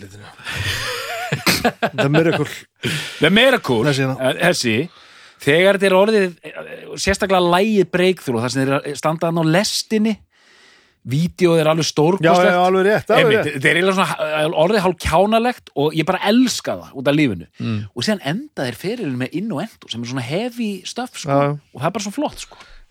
rosalegur ferill á bandi sko, alveg svag Ef ekki komaði bara frá að, að pæli því af hverju er Bohemian Rhapsody svona stórt lag með hvernig það er? Hvað er, af hverju, hvað gerðist? Að þetta er besta lagi heimi. En er það bara næg ástæða? Já, þetta lag er og bara hlýður bara fjöldi já, það, ég held að hlýða þetta sé meðalgreindir ef stöff er bara ákveð gott. Þetta saminar einhverja hluti sem að hafa aldrei verið saminaði fyrir það síðar. Þetta eru 50.000 kaplar og það kunna þetta allir. Þetta er bara ekki eðlilega gott sko. þetta er svaka fínt lag sko. Nei, það er eitthvað meira í þessu. Þetta er mjög fínt lag. það er eitthvað ég man ótrúlegt við þetta lag sko. ég man þegar ég var pínu lítill að hlusta á þetta og maður svona, skilur, það er eins og séu bara að þér inn í, það er bara eitthvað ævintýri í útvarpinu, hvað er að fara að gerast? En mannst eftir því að hafa sérst, verið að heyra, hlusta á þetta í fyrst skipti? Já. að því að ég held að mjög fáir í sko, minningu frá því að hafa heyrt þetta lag í fyrst skipti ég allavega minni kynslu ég man að ég, að þetta er bara partur af manni allt of hratt með hvað þetta er út um allt sko. ég man bara, ég hef örgulega verið bara fjara, fimm ára, ég man bara og ég held og ég hef sagt ykkur frá þessu ég, ég sagði frá þessu í þursaflokksþættinum sko, að þetta er bara ég held að krakkar taki eftir þetta þarf að vera pínu skrítið sko. já, já Það, Eina eins sem og er- bóðið með rapsið, það hefur verið að góla hafna og Eina sem að Lilja beður um í bílnum í dag, það er að hlusta á eitthvað skrítið og það er, Já, við erum búin að taka mikinn tómveits upp á síðkast en þetta er ekkert eðlilega mörg element sem koma saman í þessu lagi. Og þú veist, það er ekki endutekningar, þú lærir ekki viðlagið sko, þetta er bara kapli eftir kapla eftir kapla en þetta er einhver uppbygging í þessu lagi sem segir þér hvað er að koma næst. Já, þú þarft ekki að heyra þetta nema svona ég ætla, er að giska því að vera enginn heyrt þetta einu sinni. Ég held að í þriða skipti sem þú rennir þessu lagi þá held ég að þú kunnir það bara nokkuð vel. Og þekkir alla kaplana sko. Já, og veist, og það er ótrúlegt. Það, er, veist, það er bara eitthvað í þessu lagi sem bara Það er líka, held ég ekkert annað lag í heiminum sem að spannar eins fullkomlega allan tilfinningaskala þess sem er of fullur Þú veist, það er stokkið í svona reyða fullakallin og svo ertu komin bara í sorgina í lokinn og á svona eitthvað þjóðatíð bara í, alveg í lokinn og þetta, er- þetta fer bara út um allt. Þetta er ekki Þú eðlilega veit hvað svona gengi frá fyllibittum og hún alltaf líka er þessi orginal upptaka, hún er ógeðslega vel hefnuð öll tempóin er Já. ógeðslega góð. Vestað er gátt ekkert sungið. Ég er að spá hérna ég reyna að búa til einhverja kenningu um þessa plötu hérna að þegar menn geta með tekið sér það besta leifi að raðinu upp já, já. Eftir henduleik og einmitt Já, þannig að ég held að það hljóta að gera verkum og það, hún auðvitað kemur út á svona albúmtíma. Fólk er að kaupa plötur á fullu. Já, heldur við já. það. og það hlýtur að vera renslið partíin á þessum tíma er þannig, það stendur einhver upp setur plötun á fónin og byrjar og byrjar á fyrsta lagi. Já, hún þarf að halda sko. Já, já og hérna Byrjaði þetta almennilega. Og þannig að þú veist að þú veist, vel hefnið að því að að þú veist, hvernig raða menn saman saflutum, getur verið mjög anal bara, þú veist, kronológist bara fyrsta lagi sem við gáum, fyrsti singullin annar singullin og þriði singullin vísindalegt að safn, sko. Við höfum aldrei gert saflötu, Bibi Já, hvað, hvað myndi þið gera? uh, Minnum hvað, maður aðeins upp eins og tónleikapróku? Nei, við- hvað, hvort bandi eru að tala um? við höfum aldrei gefið út saplutu er það nokkuð? Nei, bara tónleikaplötur Það væri gaman að setjast niður bara og reyna bara að búa til saflötu úr til dæmis hálflutunum. Ég held að það sem er miklu höldar að gera það með skálmölda því að það er bara svona eitthvað En fólk, lögin sem eru, sem þú sandir, basically. fólk vill þessi shortcut er kannski verið, mannstu, ham lengi lifi var notið bara sem eh, einhver litið safnplata, því þetta var eina safnið það var þetta aðeins annað vegna þess að á þeim tíma var það lang best sándandi hamplata mm. Það Já. voru svo illa hefnaðar að mjög leiti í Soundwise og nú er ég ekki að tala sem plötu niður því það eru stórkostlegar en sko það fólki sem var ekki að kafa neitt það gæti ekki hlustað á neitt þá nema lengi lifi sem að soundaði bara drullu vel sko. um, hafið eitthvað heyrtaði, er fólk að nota uh, tónleikaplötuna með skálmöld sem svona plat hugmynd. safnplötu Ég hef bara satt að segja ekki hugmyndu það. En ég myndi alveg, Eh, hvað myndið þið gera? Ég bara reynilega veit það ekki alveg. Ég hugsaði að maður hvernig myndi þetta, vera það sem var besta plötu? þetta væri held ég træli nærur, sko. Það er ekki eins og tónleikaprógram, en ekkert örgulega svipað val, sko, af lögum. Nei, það er alltaf svona 2-3 sem maður svona hendir inn á tónleikum fyrir lúðana sem maður myndi aldrei setja á hit, eh, einhverja hitblötu, sko. Er ég myndi gera þetta eins og, eins og við erum að tala um hérna bara búin að búa til heilstaða plötu úr lögunum sem við eigum Já. og bara gera íþrótt úr því En þú myndi velja samt stutta ég held að ég myndi láta það stjórnast af því hvernig sarpurinn yrði þegar væri búið að velja bara eina e, já, hittara og, og fan favorite skilur, ég meina þú verður náttúrulega einhvern veginn að miða þig við eitthvað, hvað kallar það hittara, ég meina Þetta er liskurinn held ég sko. Já, því að sko, eins og með skálmöld, sko, það var hægt, maður sér fyrir sér, einmitt, það er hægt að taka bara tíulaga plata effektíft, 50 mínútur, 40 mínútur, ég hugsa að við myndum fara þá leið sko. Já, eða gefa út voldugan pakka í einhverju hérna, vikingaskipi og hérna þú, þú opnar, hei, já þú opnar plötinu og þá kemur svona hérna, poppar upp. poppar upp hérna já. og þá ertu þetta getur að fara að hlaða einhverju 30 lögum á sko, en það eru þetta Það er helviti eru, sumir finnst það of mikið meðan sumir eru bara, hei, hérna 25 laga og það, síðan hugsa maður, já, eins og, eins og ég sagði frá mínum nördisma hérna með Iron Maiden að ég kefti mér hérna Live After Já, já. Death að því þá þarf ég til að byrja með, þá get ég svona Já, skanna þetta Þannig að þið- er, eru hljómsættir að tapa á því að gefa út saplutur Ekki Queen það ég. er við allir með að tala um annað og að það er einn tegundur af samplötu sem við töluðum ekki um áða hann í byrjun sko. Mm. að það eru sko þeir sem eru búin að gefa út svona 16 best of plötur sem er Já. meir og menna bara með öllum sömu lögunum sko. það er til dæmis alveg rosalega pæling sko. Og, og e- engin sjáanlega ástæða nema bara að selja nýtt, nýtt streikamerki sko. Og það er alltaf svona og, og, þá er þessi umræða sem við erum að með hérna í gangi orðið svolítið gælt sko. Hvað er þessi til margar bestoplötu með Elvis Presley. En hvað held ég að við verið gerðar það er rosalegt Hvað og er official með þessar plötu sko. En hvað það er það bara best of, hús, hvað er það hlutfalli sé að best of plötum sem að uh, artistarnir hafi valið á sjálfur versus útgáfufyrirtæki þessi, þessi sorglegt hlutfall sko. þessi allur gangur á þessu sko Þú veist, það er Hérna, yfirleitt ekki hljómsveit eða listamaður sem svona, herðu, nú er komið tími nú langar mig að gefa út best of plötu Þetta, Nei, pressan góð, kemur annars það, það frá er, sko. það, þetta er góða punktur mjög góð Þú veist, ég held að þetta snúist ekkert um hvað bandið vil gera sko. Stund- Þetta er já, bara það- mulningisvélin já, já, mulningsvélin, oft eru menn algjörlega valdalösir og hafa ekkert raunverulega ekkert um það að segja stundum eru menn fengnir hérna í lið og, og fá, hafa eitthvað um þetta að segja Já.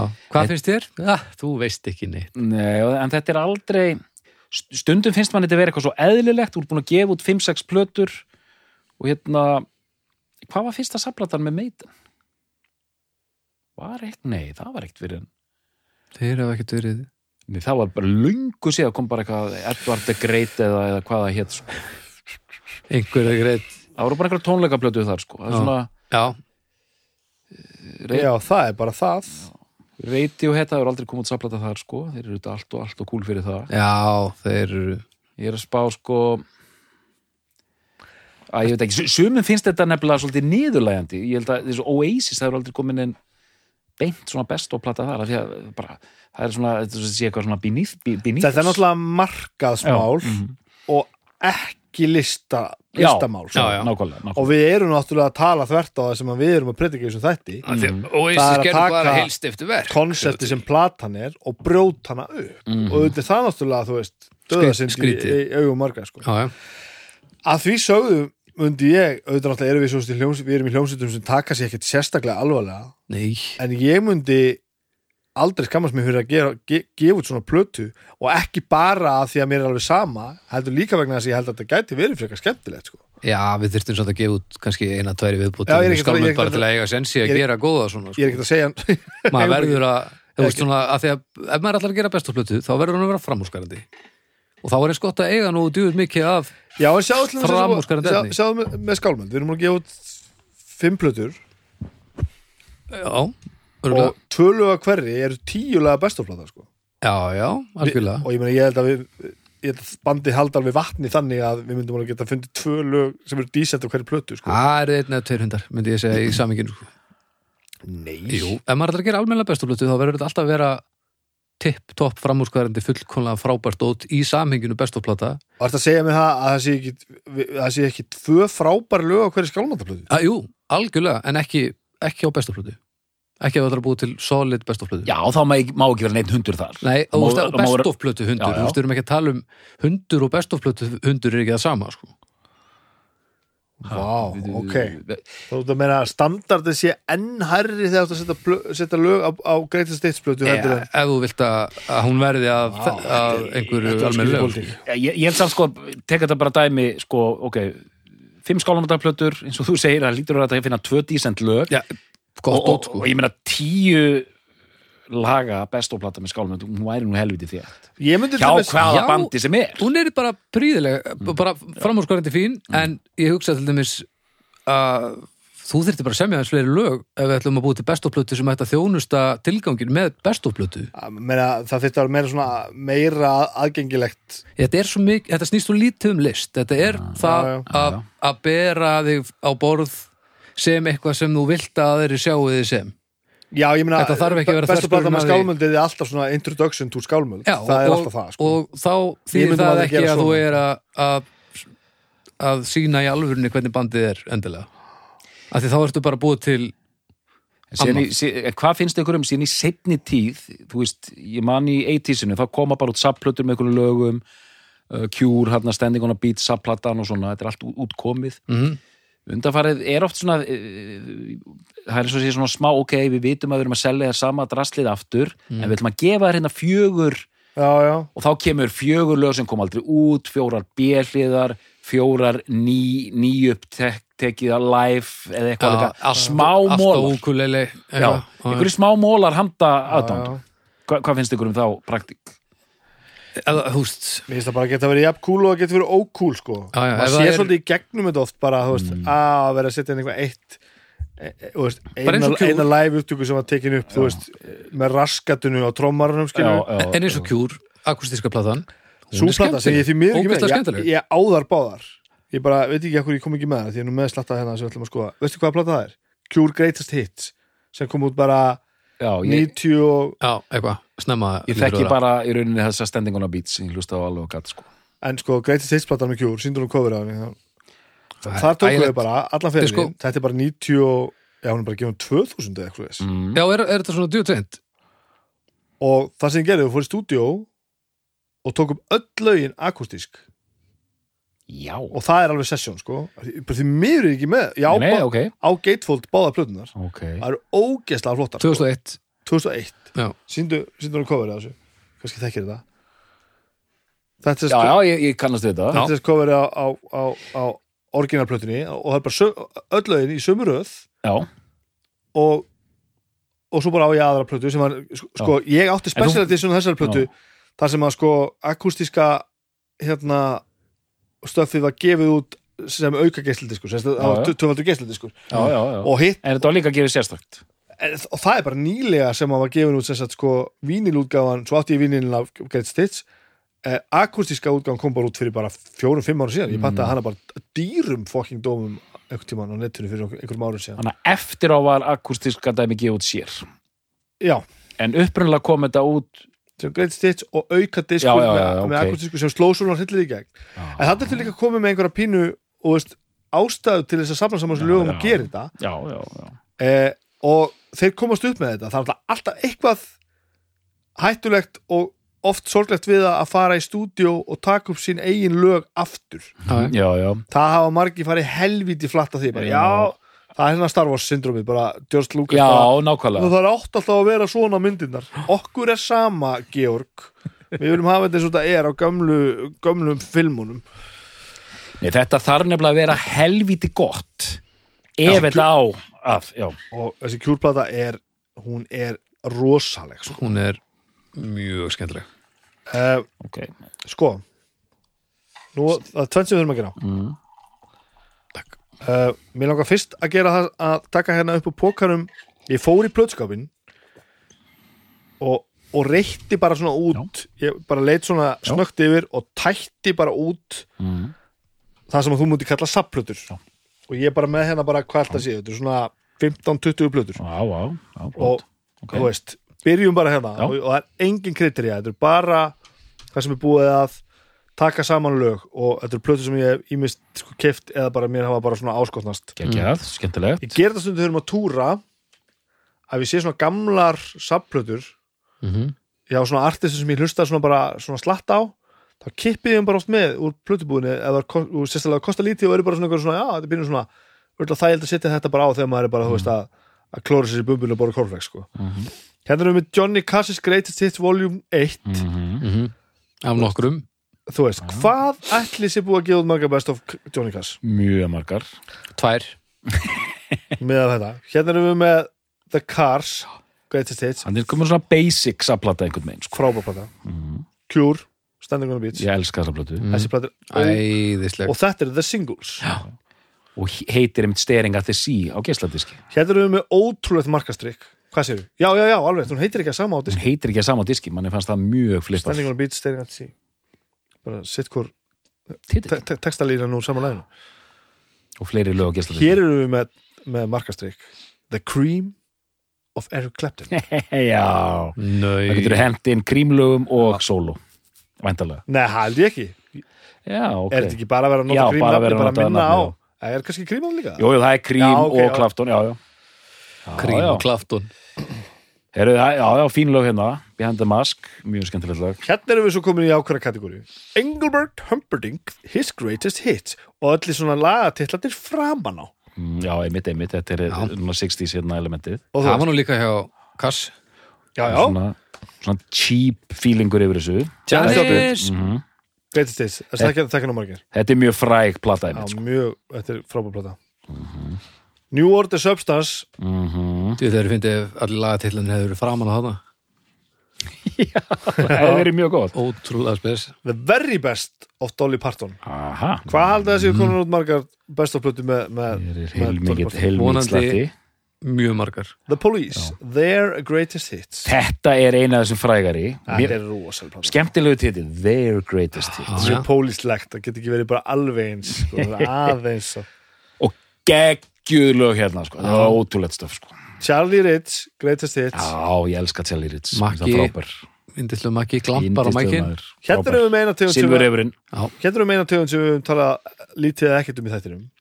Stranglers, The Collection 77 til 82 Já. og tímabilsplötur. Já, einmitt, einmitt, ég átti þessa blötu alveg stórkostlegt dæmi. Hérna erum við með eitt algjörðar stórkurslegt Temptations Greatest Hits Volume 3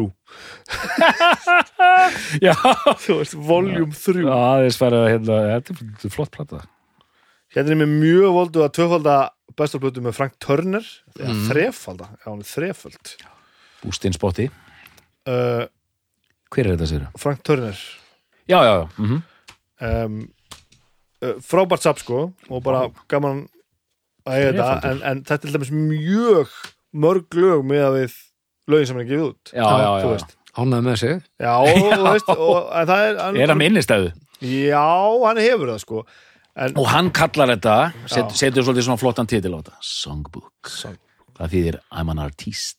Já, já, hann er smá svona Svona yfirlýsing. The Best of UB40 Volume 1 Já, já, já, já, finnst fræg. að merkja þetta líka Volume 1 þú veist, þú veist að segja að þú ætlar að gera eitthvað meira eða hafi gert það um leið eða eitthvað. Já. og svo varum við með bílabröndar hérna sem að við vorum búin að taka fram rauðu og, og bláu. En Hvað svo alltaf til náttúrulega hann að eplaplatan sem kom út náttúrulega bara 90 og- En hvað er Eitthvað, mörg lög á bara þessu það- blötum?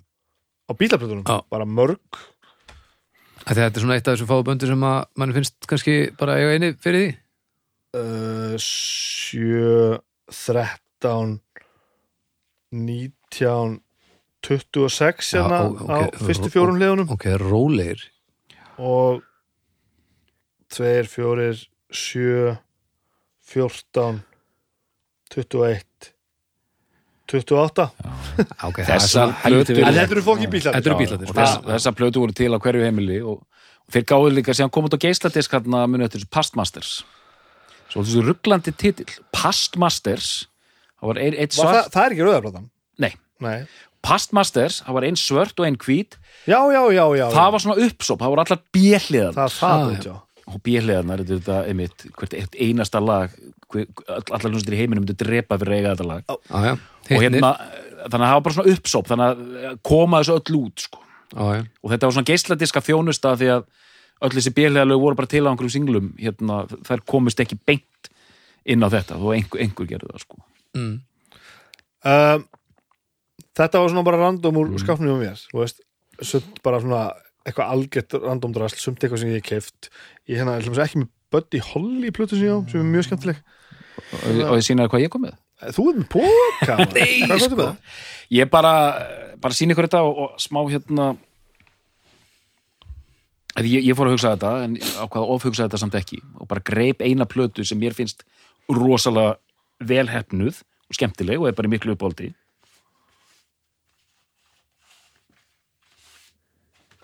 Já, ah.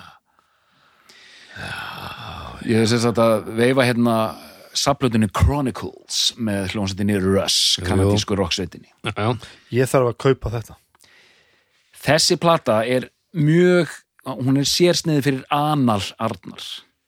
Það eru tvö lög, Analarnar anal Arnar, tvö lög af öllum plötunum já í röð. Já, Það voru Tvö lög, bara- af fyrstu plötunni, tvö lög, annar plötunni, tvö lög, þriðu plötunni, tvö Þetta er bara það sem þú vildir gera þetta er það sem ég myndi vilja gera. Að vísu þetta síðan brjóta þetta aðeins, það eru þrjú lög af hérna Moving Pictures, Ok, formi brot bara, alveg bara OCD alveg út um gluggan. já, en það sem ég fíla líka þessa plötu að því þetta er svona eh, ég held að við komum út 90 eitthvað líka að ég elska sko hvað hún er þunn það eru að sko. Þrjár plötur inn í sko bara mjög svona, svona no, no BS lástemt í í svona svörtum nærbuxum heilum nærbuxum sem er ekki svona miðana Nei. næfur þunnum sko já, já. Já. en það takkir sér minnst pláss pakka bara svona inn í, í svona í svona pappa umslag sem Já. er 12 sinum 12 Mhm. er á kjölinn bara mögulega eins og einföld plata sko. já, og bara og svo svo bara þúsund mínútur af tónlist þetta er mjög fallegt Ein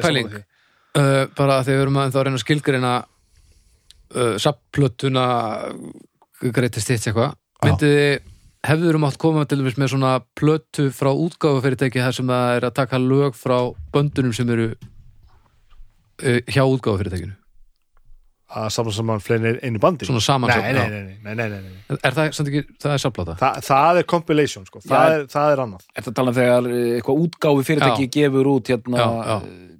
Og- svona tester. Já. já, með tíu listamennum sem eru að mála hjá þeim. Bestu lög tíu það, það er kallað svona samplerar og svo leis það er en það er sem þú maður einhver leiti Já, það er er en, það- en, en, en safn yfir mismunandi listamenn fyrirtækisins þetta orðið er náttúrulega orðið mjög hættulegt sko. það er bara Já, já, en, en eh, við En erum náttúrulega einblýna á stakkalistamenn en það er samt Já, en það, er auðvitað rosalegu business líka, ég, er að hugsa um hérna Trojan Records hérna, Jamaica. Já.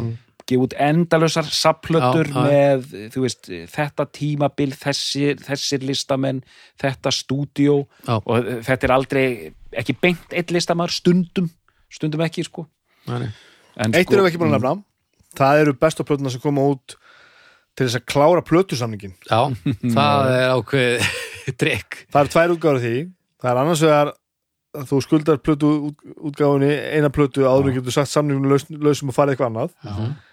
Og hins vegar þegar að þú slítur samningnum og plötu fyrirtæki næra skýla sér á bakverð lagabóstafin og gefa plötun út sjálf Já, á þess að tala um þig það, er fucking brútal sko. Það er til er Battery Ritson plata sem heitir Punk Rock Songs. Já, sem að Já. Sony gaf út eða sem sagt hérna Epic, voru ekki Epic? Sem að og þeir, hef, þeir vissi ekki fyrir hún bara, bara komin út sko. Og oft svona það er fans ekki glæðir nei, eru brálaðir, alveg. Hljómsveitir kannski gera samning við Sony fyrir tvær plötur og síðan kemur kannski Sony sko 15 ára síðar the best of. Já, já, did, did, did. en það er bara smáaletrið kemur ekki fram. The, The best of þegar þeir voru samningi okkur á tvær The plötur. Sony Days. Já, the Sony days, The það vantar alveg Sony Days. Þetta alltaf sko. Og hérna, síðan er, ég meina, Tom Waits það er hérna The Asylum Years og síðan The Island Years. Já, það splitt sko. Já, já, Í- og sí- sí- síðan er oft erfitt þá að fá í rauninni heildstæðan það er rosa vesen að reyna að fá oft heildstæðan heildstæða yfir sín yfir fyrir listamanna þegar þeir eru að gefa út út um allt sko. ég held sko að já, þetta er náttúrulega þetta er erfitt og brotætt form en þetta form sinnir best böndum sem gera geðveikislega góða hittara og svo hunda helst til helminga þá ertu frábærum málum með að gefa út svona plötu. Ef þú ert eitthvað þar fyrir utan þannig að þú ert komin í einhver plötu útgáfa fyrirtækja eitthvað versin þá er þetta bara annað sko. Að því ég held að Greatest Hits plata á alltaf að mála bandið aðeins betur en það er í raun og veru. Hvað finnst ykkur um boxset? mér finnst þau briljant Mm. sérstaklega boxset nútímans sem að verða að vera boxset Boxset nútímans. Sérstaklega, akkur sagði ég þetta svona þessi, þessi, Sérstaklega boxset nútímans. Sem að hérna, verða að hafa eitthvað til að bera til þess að það seljist. Eins og Metallica er að gera með sko með plötuna sína hafi séð það sem er að koma út. Já, þessar endur, já þessar það er, veist, og það, það kostar bara handleikin á þér en þú fær líka svakalegt fyrir sko. Mm. ertu að tala um boxset sem eru bara f- fyrstu þrjárplötuna saman þú veist, Ég er bara að tala um alls konar eins og það er til hérna mér finnst þetta gaman mann, mér finnst þetta ógeðslega skemmtilegt. Það er til hérna þessi tónlistastefna Dúvop, svona R&B, gamalt rock, svona söng, sönggrúpur. Mhm. það var eitthvað sem ég vissi lítið um og þá kom Rhino, eru rosalega í þessu sko, þeir eru teknar svona sem sagt, uh, útgáfa fyrirtækja Rhino. Að taka bara The Duvop box set hétt þetta. Hérna, fjórir geisladiskar og þar sem var búið að sapna saman öllum þessum smáskifum sem voru bara út um allt, skilur Já, Bara menn í- Nirvana smáskifu boxsettið hvað sér sem kom út á gísladisk Nirvana smáskifu sex saman hana. Já, átti komið hana ekki síðan í, í svona einhverju það liðu var hana smelta til spirit og alveg hardset box Já, stótið já, og allt já, saman. já. já, já. En þarna eins og í þessu dúvopdæmi þá voru kannski bara tveir starfsmenn út um allt að finna orginal sjötómunnar, Já. reyna að finna Já, orginal já. masterteipin Já, stundum getur ekki fundið masterteipin þá þarf þetta að taka þetta bara þrýfa plötuna vel og taka þannig og svona, ég er að tala um boxset sem taka yfir kannski stefnur og, og tímabil sko, Mhm. en síðan eins og þetta með Metallica, ég meina má ég segja það sko að ég meina fyrir fólk sem er komið á aldur og á pening ég meina þetta er bara þegar fólk er að unboxa þessu á YouTube þetta er bara jólin sko, svona megajól sko já, ég meina þetta er bara svo, eins og hvað hver önnur- hver önnur afþreying þú bara Mm, fá fullt já. af hlutum til þess að Já. skoða hlusta á, lesa þú veist, þetta er bara þetta er, og, og, og svo er þetta samgripur og yfirleitt fjárfesting sko, Já, já. þegar þessi hlutir eru yfirleitt í takmarku upplæði og, og hækka svo bara í verði sko. og svo er boxsett eins og við hálfleitar gerðum sem var að taka fyrstu þrjár plötunar já, og setja bara svona aðeins utan um þær. Já, já. og hvað hétta, fyrstu þrjár eða eitthvað? Alveg engin og metnaður hér, hér 1, 2 og 3 já, einn, tveir, þrýr og svo bara slegið vel að þessu og allir elvitir góður Já, sko. ég meina Muggisson gerði þetta líka með sína það, plötu. það var samt meira svona Já, þá áttu við bara plötur og lager slóum bara utan Það var bara annaðhvort þú þetta- bara eina fría cirka Það var og þetta- og er eða teipa og þetta við það var bara annarkvort já, ég meina þú veist það er, er greinilega all, allar útfæ, út, út, útfæslur og svona sko. Það er snildalegt að, að hafa gert það ég, um, ég var stenglið með þessu. Já, alltaf sér til Þetta er sennilega- þetta í 100 ár. þetta Eða er okkar besta sennilega okkar besta verk. Síðan eru þetta svona boxset svona From the Waltz boxset. Já, já, menn er svona þessi Neil Young aðdándur sem eru búin að býða í hundra Já, ár já. eftir einhverju archives skilur og síðan bara svo kemur náttúrulega ef við fáum Volt uh, Recordings Volume 300 frá Prince. Já, já, já, já, þe- þetta dæmi sko, Já. sem svona já. The, the Wall það heitir það. Gene Simmons hann að flight caseið sem kostar bara ég veit í hvað og það er allt sem Gene Simmons hefur gert. Já, já. það, þetta kostar svo ekki mikið og alveg allt sem hann hefur gert vona ég. Jú, blöytt, helviti blöytt þetta er allt sem að er til upptekið sem hann, og við erum að tala um sko, hann að taka upp á einhver diktafón 1911 að spila á Já. lútu sko. Þú veist, þetta er, er, er alveg glórlust og þetta er svo mikið af stöffi. Hvað kostar þetta? ég held að þetta heiti Gene Simmons Walt, þú getur bara að googla þetta. Ég veit ekki Ok. hvað þetta er, að, sjá þetta til hann er búin að endur þetta öll allt saman aftur. Hann selur náttúrulega allt. Og þetta er svo öfgafullt sko. Þetta er boxset allra boxsetta sko, þetta er alveg hellað sko, Gene Simmons Volt þetta til? Um, og fyndi sko hérna uh, sko já fyrir ekki, halda frá Nei, e- eitt sem hérna, nú erum við með einmitt, því þú ert með Queen Hanna, þessa plötuna, sem er Mhm. svona 2000 dólarar. 2000 dólarar. Svaka þessu, já. 300 skall. Já, og ef þú borgar 50.000 þá kemur hann heimtíðin já, hann er svo sturglað sko. Ef þú borgar 50.000 dólara já, samkvæmt þessu. Hérna talandi um svona kostar 48.000 dólara að fá Gene Simmons heim til sín. Nei, það lítur að bæta stuði, það ekki? Já, 50 viðbútt Þetta fór ekki ég- svona voltið í kaupa því sest annað hjá þér þá? Hann er ekki eðlileg sko. Já, það er sem alveg á, á einhvern veginn hínu skalum, það er svo þessi kvínsaplata sem Já. bara fer á almenna marka og allir kaupa og allir elska og, og hérna svona vera að hugsa um almenning. Síðan eru að tala um eins og þessi boxset eins og hérna King Crimson. Það eru kannski King Crimson gefur út 25 diskar uh, upptaka af öllum Já, tónleikum já, sem voru á þessu tónleikaferðalagi. Uh, ble, ble, ble, ble, kostar ógæslega mikið veist, ég hef hugsað þetta gefið út í nokkur hundruð eintökum ég er ofta að hugsa, hver kaupir þetta? Hver, þessi sem vil líka allt. Já, og- allt, allt, allt. og, og er fólk að hlusta á þetta? Það lítur bara eiginlega að vera, sko. Af því að King Crimson er búin að gera þetta fimm eða sex sinnum, sko. Bara svona rosalega tæmandi og það er greinilega markað fyrir þetta einhverju kallar hérna í Birmingham sem bara hlusta síðan á 25 tónleika með King Crimson En- en og er- eru bara sáttir Þetta er þetta svolítið svo um talum á það Þetta er þetta líka bara orðin fjárfesting sko. mm. Herðu, fyrir 2000 þá, hérna, ef þú mætir á svæðið þegar hann mætir með Gene Simmons Walt Experiences í bæinn, þá hérna hann stoppaði hérna kom á lögadaginn um 28. apríl og fyrir 2000 þá fekstu sem sagt allt tíu geisladiska dæmið og eitthvað voða volt sitt eitthvað. Og 5 mínútur, einn og einn spjall. Ó. Ó, fimm mínútur? Þetta er 5 mínútur. Munið ég sagði fyrir löngu síðan að það var tvent sem við þurfum að gera. Hvað, já, Númer eitt var að fara hérna genið minna bunga sem komið ok. Hitt er sem ég langar að gera fara aðeins í gegnum heilabúin á okkur og, og rifja upp svona kandidata, skulum við segja Uh, mér langar að byrja á, náttúrulega, á þessar bítlaplötur svo er hann best of bítlarnir þarna sem kom út hann rétt fyrir aldamót sem er hann með eplinu framan á. Uh, uh, ein plata sem er þetta í hug hérna, heitir hún ekki Legends Bob Marley plata? Jú, legend, legend. Le Legend. Mm Frábær. Ofbúslega vel hefnuð og svona heildstæð og einhvern veginn plata sem já. að maður svona, hlusta á sem plötu sko. uh, Þú vilt, hvað sér, þú vilt að við rifjum upp bara Já, eftir, eftir, eftir, eftirminnilega já, kasta svona einmitt, Legend er einmitt uh, einmitt, mjög svona íkonisk einhvern veginn, hann fannst hún vera allstaðar Hún að látum, jú Sko, hérna, var From the Mother Banks og Viska ekki Það Rarities er- eitthvað? það er eftir á mál. Alls kon, já, ég veit það, en ég meina var það er ekki, það er ekki samplata, þannig. Nei, var, það, var, ekki, var sko. En var það ekki tónleikaplata? svo viska var, var ekki var ekki greitist til Nei, var það bara það live? var alls konar Það var liveplata, síðan kom út plata sem hét og heitir bara Nirvana. Svört, Mm.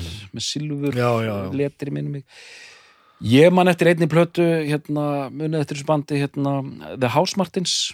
Mm. The House Martins var svona Smiths gáfumanna pop. Já, já, þeir gáðu tvær stóra plötur. Aha. og síðan bara árið setna þegar þeir hættu já, þá komu tvöföld saplata vel gert. Vel gert. Nice. og það var, það voru eh, allir hittarannir já. Líka svona djúblög ok. líka einhverja live upptökur. Eitt og annað virkilega vel samansett, Ok. gott flow. Segi ég bara því ég hef auðvitað búin að hlusta svo mikið á hann Já, já, og ég bara, ég elska þessa plötu. Já. það er bara að ég er að henda bara einhverju mixið við erum samt að gleyma, þetta legend er mjög gott dæmi. Það er við erum að gleyma einhverjum svona, svona plötum sko. svo eru svona kanonir, svo hérna history-platan með Michael Jackson var mjög stór. Mhm, já, Mm. já. uh, hvað heitir Madonna-platan hérna, já, hérna The Immaculate Collection. Já, mm nákvæmlega. Einmitt, mjög gott. Herru, Eh, Enja gerði, hefur gert eitthvað líka? En já, Já, já, það er einhverja besta plötur þar sko. það er eitthvað bestu plötur þar. Það er fræ Leonard Cohen greatest hits já, plata akkurat þessi, þessi ljósbrúna hana. Já. hún er alveg, það er risa plata þetta er svona plötur bara sem eru, eru, eru út um allt. Dylan er einhverja en það er svona útgáfu fyrirtækja. Þeifur af því alltaf. Dylan á svona típiskar greatest hits plötur og síðan á hann fullt af svona archive hérna plötum sko. Já, já, En svo varst þú að segja á hann Baldur með að, að greatest hits eða best of plata þetta alltaf sína svona svona risastórt svona sterka mynda af bandinu eða lista, eitthvað svona en sko, ég er náttúrulega alveg saman á þessu því það, það er önnur típa af þessu líka sko. það er eins og þessi Buddy Holly plata sem ég er einmitt ekki með hérna. Já, sem er bara svona einhvern veginn löginans Buddy Holly og maður setur þetta bara svona á þegar maður er bara einmitt að, að rista sér bröðið eða eitthvað. Uh, til, fyrir svona fimm ára síðan kom út enn einar til miljón en þessi mjög vegleg tvöföld falleg með mynda meistarinn framan á Morricone. Mhm. já, uh, svona gatefold plata sem ég á heima. Já, uh, og það er mitt bara svona eitthvað sem þú setur bara á þegar þú vilt bara fara í stuð sko. já, og bara líða eins og þessi staðin svala en Já, það, sko. og það er bara einhvern veginn svona moodsetter sko. Það er bara svona compilation það sem þú bara svona, svo setur þetta á og bara djúsir fokki snildi þetta, þetta er geðið sko. mm. þetta er svona, veist, þetta er ekki alveg svona einfalt. Nei, ein er- plata sem ég með þetta núna sem ég hlustaði slatt á og ég hérna ég man ekki eins og hvað hún heitir sko, eða hvort hún he, ber, ber nafn hvort hún heitir Get States eða Be- Best of eða eitthvað. Það er hérna Blur. Já, með hann að já, teknimyndandi já, með hann fjórum teknimynd alltaf Ég var að hugsa um þessa að segja ótrúlega, ótrúlega hressandi Best of plata. Já, ég, já, og ég, ég tengi ekki sérstaklega við hann, ég á hann ekki sko. gott svingi henni eitthvað, og það var eitthvað svona eitthvað svona plata uppsett plata sem virkaði sem, sem verk sko. Ég held einmitt sko svo er eins og Goran Bregovic en það er þú veist þá soundtrack plus Já. það sem hann hefur verið að gera þannig að það er, það er rosalega skrýtna blöttur já, já, En mér finnst eins og undanfærin 20 ár og það er þetta bara aldurinn og, og þróunin, maður man eftir öllum þessum bítla og stóns hérna saflötum Hva, hvernig hefur, sé man ég því ég var að vinna á mókanum, komið sér Britney Spears söfn og allt þetta dótar í. Já, hvað er að gerast núna, eru, eru við bara einhverju lagaspottum á Spotify? já, já, held ég. Já, ég meina, og bara einhverju viðhafnar útgáfum þá ég, já, já, og einhverju viðhafna það þarf að vera eitthvað meira heldur en bara lögin sem þú getur nálgast hvað sem er af því að þú getur, ef þú gefur út bara best of plötu þá ferðu bara á Spotify og ræðarinn upp og málu dött eða finnur bara playlistan eða plötuna Þú veist að það er einn alveg fáranlega flottur finnst mér hérna fítus á Spotify að það eru plötur sem eru til og þeim er raðað saman skilur af einhverjum Að- inn á Spotify sko. já, já, já, hei, bara heima Já, er bara það Heimagert. það, það var sapplata sem ég átt á geisladisk sem ég fannst já, rosa já, já, já. sapplata sem ég átt á geisladisk sem ég fannst rosa góð, gott flow í henni og ég var vanur því flowi já, og ég finn hana ekki á Spotify en þá er þetta einhver búin að að- saman búin playlist að raða saman playlista sem heitir samanarni sko. þetta er bara mér finnst þetta stórkostleg bara, þú veist, þetta sé hægt að gera notenda community á Spotify A- er alltaf gullfallegt Já, sko. þetta- eins og, eins og náttúrulega búrokrasiðan er ógeðsleg sko. mm. þá má líka bara ekkert vannmeta aflúðans já, og sem- bara eins og með Wikipedia þú veist, bara þörfina til að leiðri þetta veist, það er bara náttúrulega bara búið að búa til Nákvæmlega. stærsta gagnagrunni í heimi bara, á, bara á þörfinni að hafa rétt fyrir sér sko. Og þú, þú getur svo léttilega giska á að þetta sé pottja til af því að við erum, það eru ykkur 7 miljardar fólks í heiminum. Og þú veist að það er einhver búin að gera þetta og það, það bregst aldrei, þetta það er búið að gera þetta sko. Við erum ekki búin að nefna neitt að já, ég, ég ætlaði einmitt að fara að segja það. Hva, þursa, íslenska saflutur, þursa bóksetti flott. En það er náttúrulega bara sap, já, já, en, en við vorum með bóksettunum á það líka. Bara mm, tökum hérna saflutur, Eh, saflutur, saflutur um, botlega gerði einhverju var ekki? Jú, jú. Uh, jú, jú, og ég maður ég meina maus hafa gefið það ekki gefið út saflutu er það ekki? Sálinu þetta, hérna já. gull- gullna hliðið, tvöfaldur geisladiskur rosalegt. ha, það er svakalegt. Allt þetta, síðan sker sól, jú, jú það er slatti til Þetta sko. meðal að finna einhvern sem hefur ekki gefið út sko. já, já. spilverk þjóðana, það kom, kom, kom eitthvað eh, safn þar, sko, Bubbi náttúrulega. Bubbi Já, hvað var fyrsta safnplatan hans Bubba? Hann kom fyrst einmitt með öfluga safnplötur hérna í kringum 2000 það kom út geisladiskanir hérna já, Hvað? fyrst voru eitthvað svona bláar, eitthvað svona hendur í Já, alveg, vatni. alveg rétt, já. Það og var setni platan, þá var hann Mr. Hipster, sko, með svona hérna, Já, já boxhettu. úlpan. já, Já, já. og hérna, og ég man bara þegar Var það úlpan eða var það bóksið? boxar ja, það. þetta var nú úlpa, sko. Já, úlpu þetta, ok. Já, já, en þú veist, það voru tveir tvöfaldi geisladiskar. Síðan man ég, að því ég skrifaði um hann sko, að kom út þrefaldur diskur hérna sögur af landi og þjóð eða eitthvað líka sem bara svona, þegar maður hlusta á þetta ég bara maður bara vá, þú veist, það var alltaf að fatta maður því líkur maður Já, sko. já, að og hérna og þetta er náttúrulega mjög oft, mjög, oft mjög gott til þess og eins og við erum að tala með, með Queen og við erum að sjá hérna með bítlaplötun og þetta að þegar, þegar sko besta stöffið er tekið saman já, og þú sér eins og með Queen að það fyllir bara, ef við tökum Gates City 1 og 2 það fyllir bara 20 lög mm sem eru bara svona bara svona 20 bestu lög sem hafa komið út í heiminum bara. Mhm. þá fer maður að fatta sko Mm. þingdina í þessu sko. Það kom út fyrir stöttu megasar sapplata á vínil, ekki ósvipað á þessi rössplata. Þrefaldur og svona, svona Mhm. cheap coverið. Ógeðslega flott, þá er ég að meina cheap á mjög cool máta, já, já, svart hvít og svona, svona pulp, pulp feelingur í gangi. Og hann valdi lögin sko, Já, það var út af ammalunars það er stundum hættulegt að- að- að að- og þá færði ekki alveg það sem þú vilt kannski. En þetta er, þetta er líka góð kriterja bara hver á að velja á, á plötunar sko. Það er Það náttúrulega fer eftir hvað allar að gera með þessu. Já, já, það er hárið Ég man fyrst í ég sá, ég man komið sem fast á ofbúsla skrítið, ég fór að sjá hérna The best of uh, Ludwig van Beethoven. Og bara svona, ha? Þú veist, að- eitthvað svona best of plötur með Já, einhverjum Best of Chopin og, Já, það er eitthvað, mér fannst það eitthvað bara ekkert vera þetta sko. Já, já. Þetta, þetta, akkur gera rithöfundar þetta ekki líka? Bestu kaflarnir, eitthvað Það var ekki ekki En síðan er þetta, þetta, þetta, bölvaða orð, einmitt sapplata, það var þetta, bölvaða orð af því að ég er allt inn að muna eftir öllum þessum sappplötum sem kom út á Íslandi, þarna reyfi staurin og allt þetta dótari, sko. Reyfi raskatið og pott þett, og heyrðu heyrðu þrjú og legendary plata. Pottið, pott, pott, Krastet Dömis Já. pott þett vitund, Reyfi, já, pottet plötunar allan alltaf, já Reyfi, Reyfi sundur reyfi sundur reyfi pakkan. Já, Vá, ég minna, já, já, ég minna, þetta hefur þetta líka. Þetta eru samplerar Þe- Þetta eru, þetta eru sko ímist útgáð fyrirtæki eða, eða sem sagt, eins, og, eins og í þessu tilfelli skífan Já. sena sem eru sko publisher, eiga publisherettin á okkur ákvörnum svæði og Já. geta bara raða saman öllu sem þau eru að dreifa. En það það, var er eitthvað- fókt upp pæling sko. Hvað hétt aftur hérna? Ég, ég Platan það með stjörnukissa og því þetta sem hana Spýrur Já, spýrur, Já. það var svona aðeins annur pæling, það, Já. það átti svona að koma nýri músík á framfæri. Já, já, um, Já, og ég meina, Ísland naut aldrei þess að vera, við náðum aldrei að vera svona smáskifu samfélag. Nei, Það hjælt aldrei, sko. Nei, það voru margir, eða nokkri sem reyndu og, og, og þetta var bara pínu kjánulegt Þess vegna bara kom alltaf þessar sapplötur, þessar 80 sapplötur og allt þetta, sko. ég er farin að kippa með mér ég finn á ferðum mínum uh, ná plötunum á vínil það Mhm. kosti yfirleitt ekki neitt sko mm. Já, áleg, örgulega árið 15 ná plötur eða eitthvað Já, gaman að, hérna, komplíta það, sko. Já, það er gaman að eiga alltaf en ég er ekki, ég er ekki, svona, ekki fannig grúndikt í að safna því sko, en það er gaman að eiga katalógina Það er. Now that's what I call music Já, Númer það- 8015 Það er til heimildamind um, um þetta fyrirbæri. Já, það? Já, Já, ok. þannig sem nú farið í þetta- pælingana með þetta og spjalla við fólk og svona, sko. að teka þessu Herri, Já, ég vil fara bara Þessi umræði getur svo endalus já, við, við, ég ætla bara að fara að stoppa þetta já, um, Við skulum byrja á þínu uppgjöri, doktor já.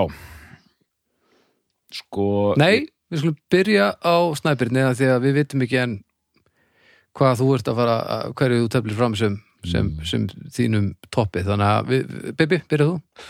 Sko um, Ef ég ætti að nefna fjórar bestu sapplötunar sem við nefnum undir þessar kriteríu sem sapplötur Mm -hmm. þá myndi ég segja Great Stits um, Queen. Mm ég myndi setja þessar bítlaplötur hérna rauð og bláu, nummer tvö. Um, ég myndi setja All Ages með Battle Ages nummer þrjú sem er stórkostlega sapplata Hún er mjög góð, já. Uh, hún, en hún er, hún er til dæmis uh, hún þjónar Ekki öllum ekki öllum, en hún er samt gefur svona aðgengilega mynd af til dæmis ef ég ætti að benda fólki á, sem vil fara að hlusta Old School Legion Já, já. hlusta á All Ages, hún er bara Já, þú heyrir, heyrir upphafstrulluna líka og og ég myndi nefna eh, ég myndi nefna Greatest Hits með Cure en það er pínu svindl vegna þess að ég myndi ekki nefna hana nema fyrir það sakir að ég hlusta miklu meira á akustísku plötuna mm. það sem lögin voru tekin um aftur. Og það er náttúrulega ekki hinn eiginlega segja, besta plata. en þú myndir segja hana frekar en til dæmis Marley? Já, mér finnst þessi mannlega plata bara svo fín sko. ah, ég er ekkert rosalega Bob, Bob Burnham maður. Já, ok. Hann fílar þig ekkert sérstaklega held ég. Um, þessi Greatest Hits plata með Queen er óbúslega skrítin fyrir það sakir að þetta er besta plata með Queen. Mm. og ég get ekki sagt þetta um neina aðra hljómsveit. Setja innan disclaimer á þetta. Ég er ekki, ekki sérfræðingur í Queen. Ég hef hlusta sennilega aðra plötunar Mm. en mér finnst þetta að vera besta platan með Queen. Já, og ég er að smigla þessu hérna inn sko, fyrir vikið. Uh, þar fyrir utan held ég að við séum búin að segja eiginlega allt um þetta og maður, ég, veist, það er að fara, taka endur og vinkla á þetta. Uh, það er að gera þetta jafn vel og það er að gera þetta illa. Og það er að tala um þetta svo frá einhverjum allt öðrum, öðrum, öðrum sjónahóttum að segja þessi er best, af því að sko. En hvað var þar gæði uh, hvað hún er heildstæð um, gæði einstaklega laga vinsældir auðvitað. Mm. og það hvernig hún skyggir á aðrar plötur þeirra.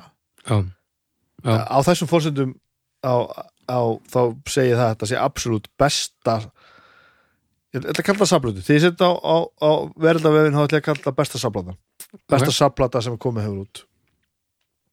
Ok. Dóttor, Já, sko mm, margt og mikið sem hefur komið hérna fram, mjög gaman að spjalla um þetta og bara hugsa um þetta og pæla í þessu hérna ef ég, sko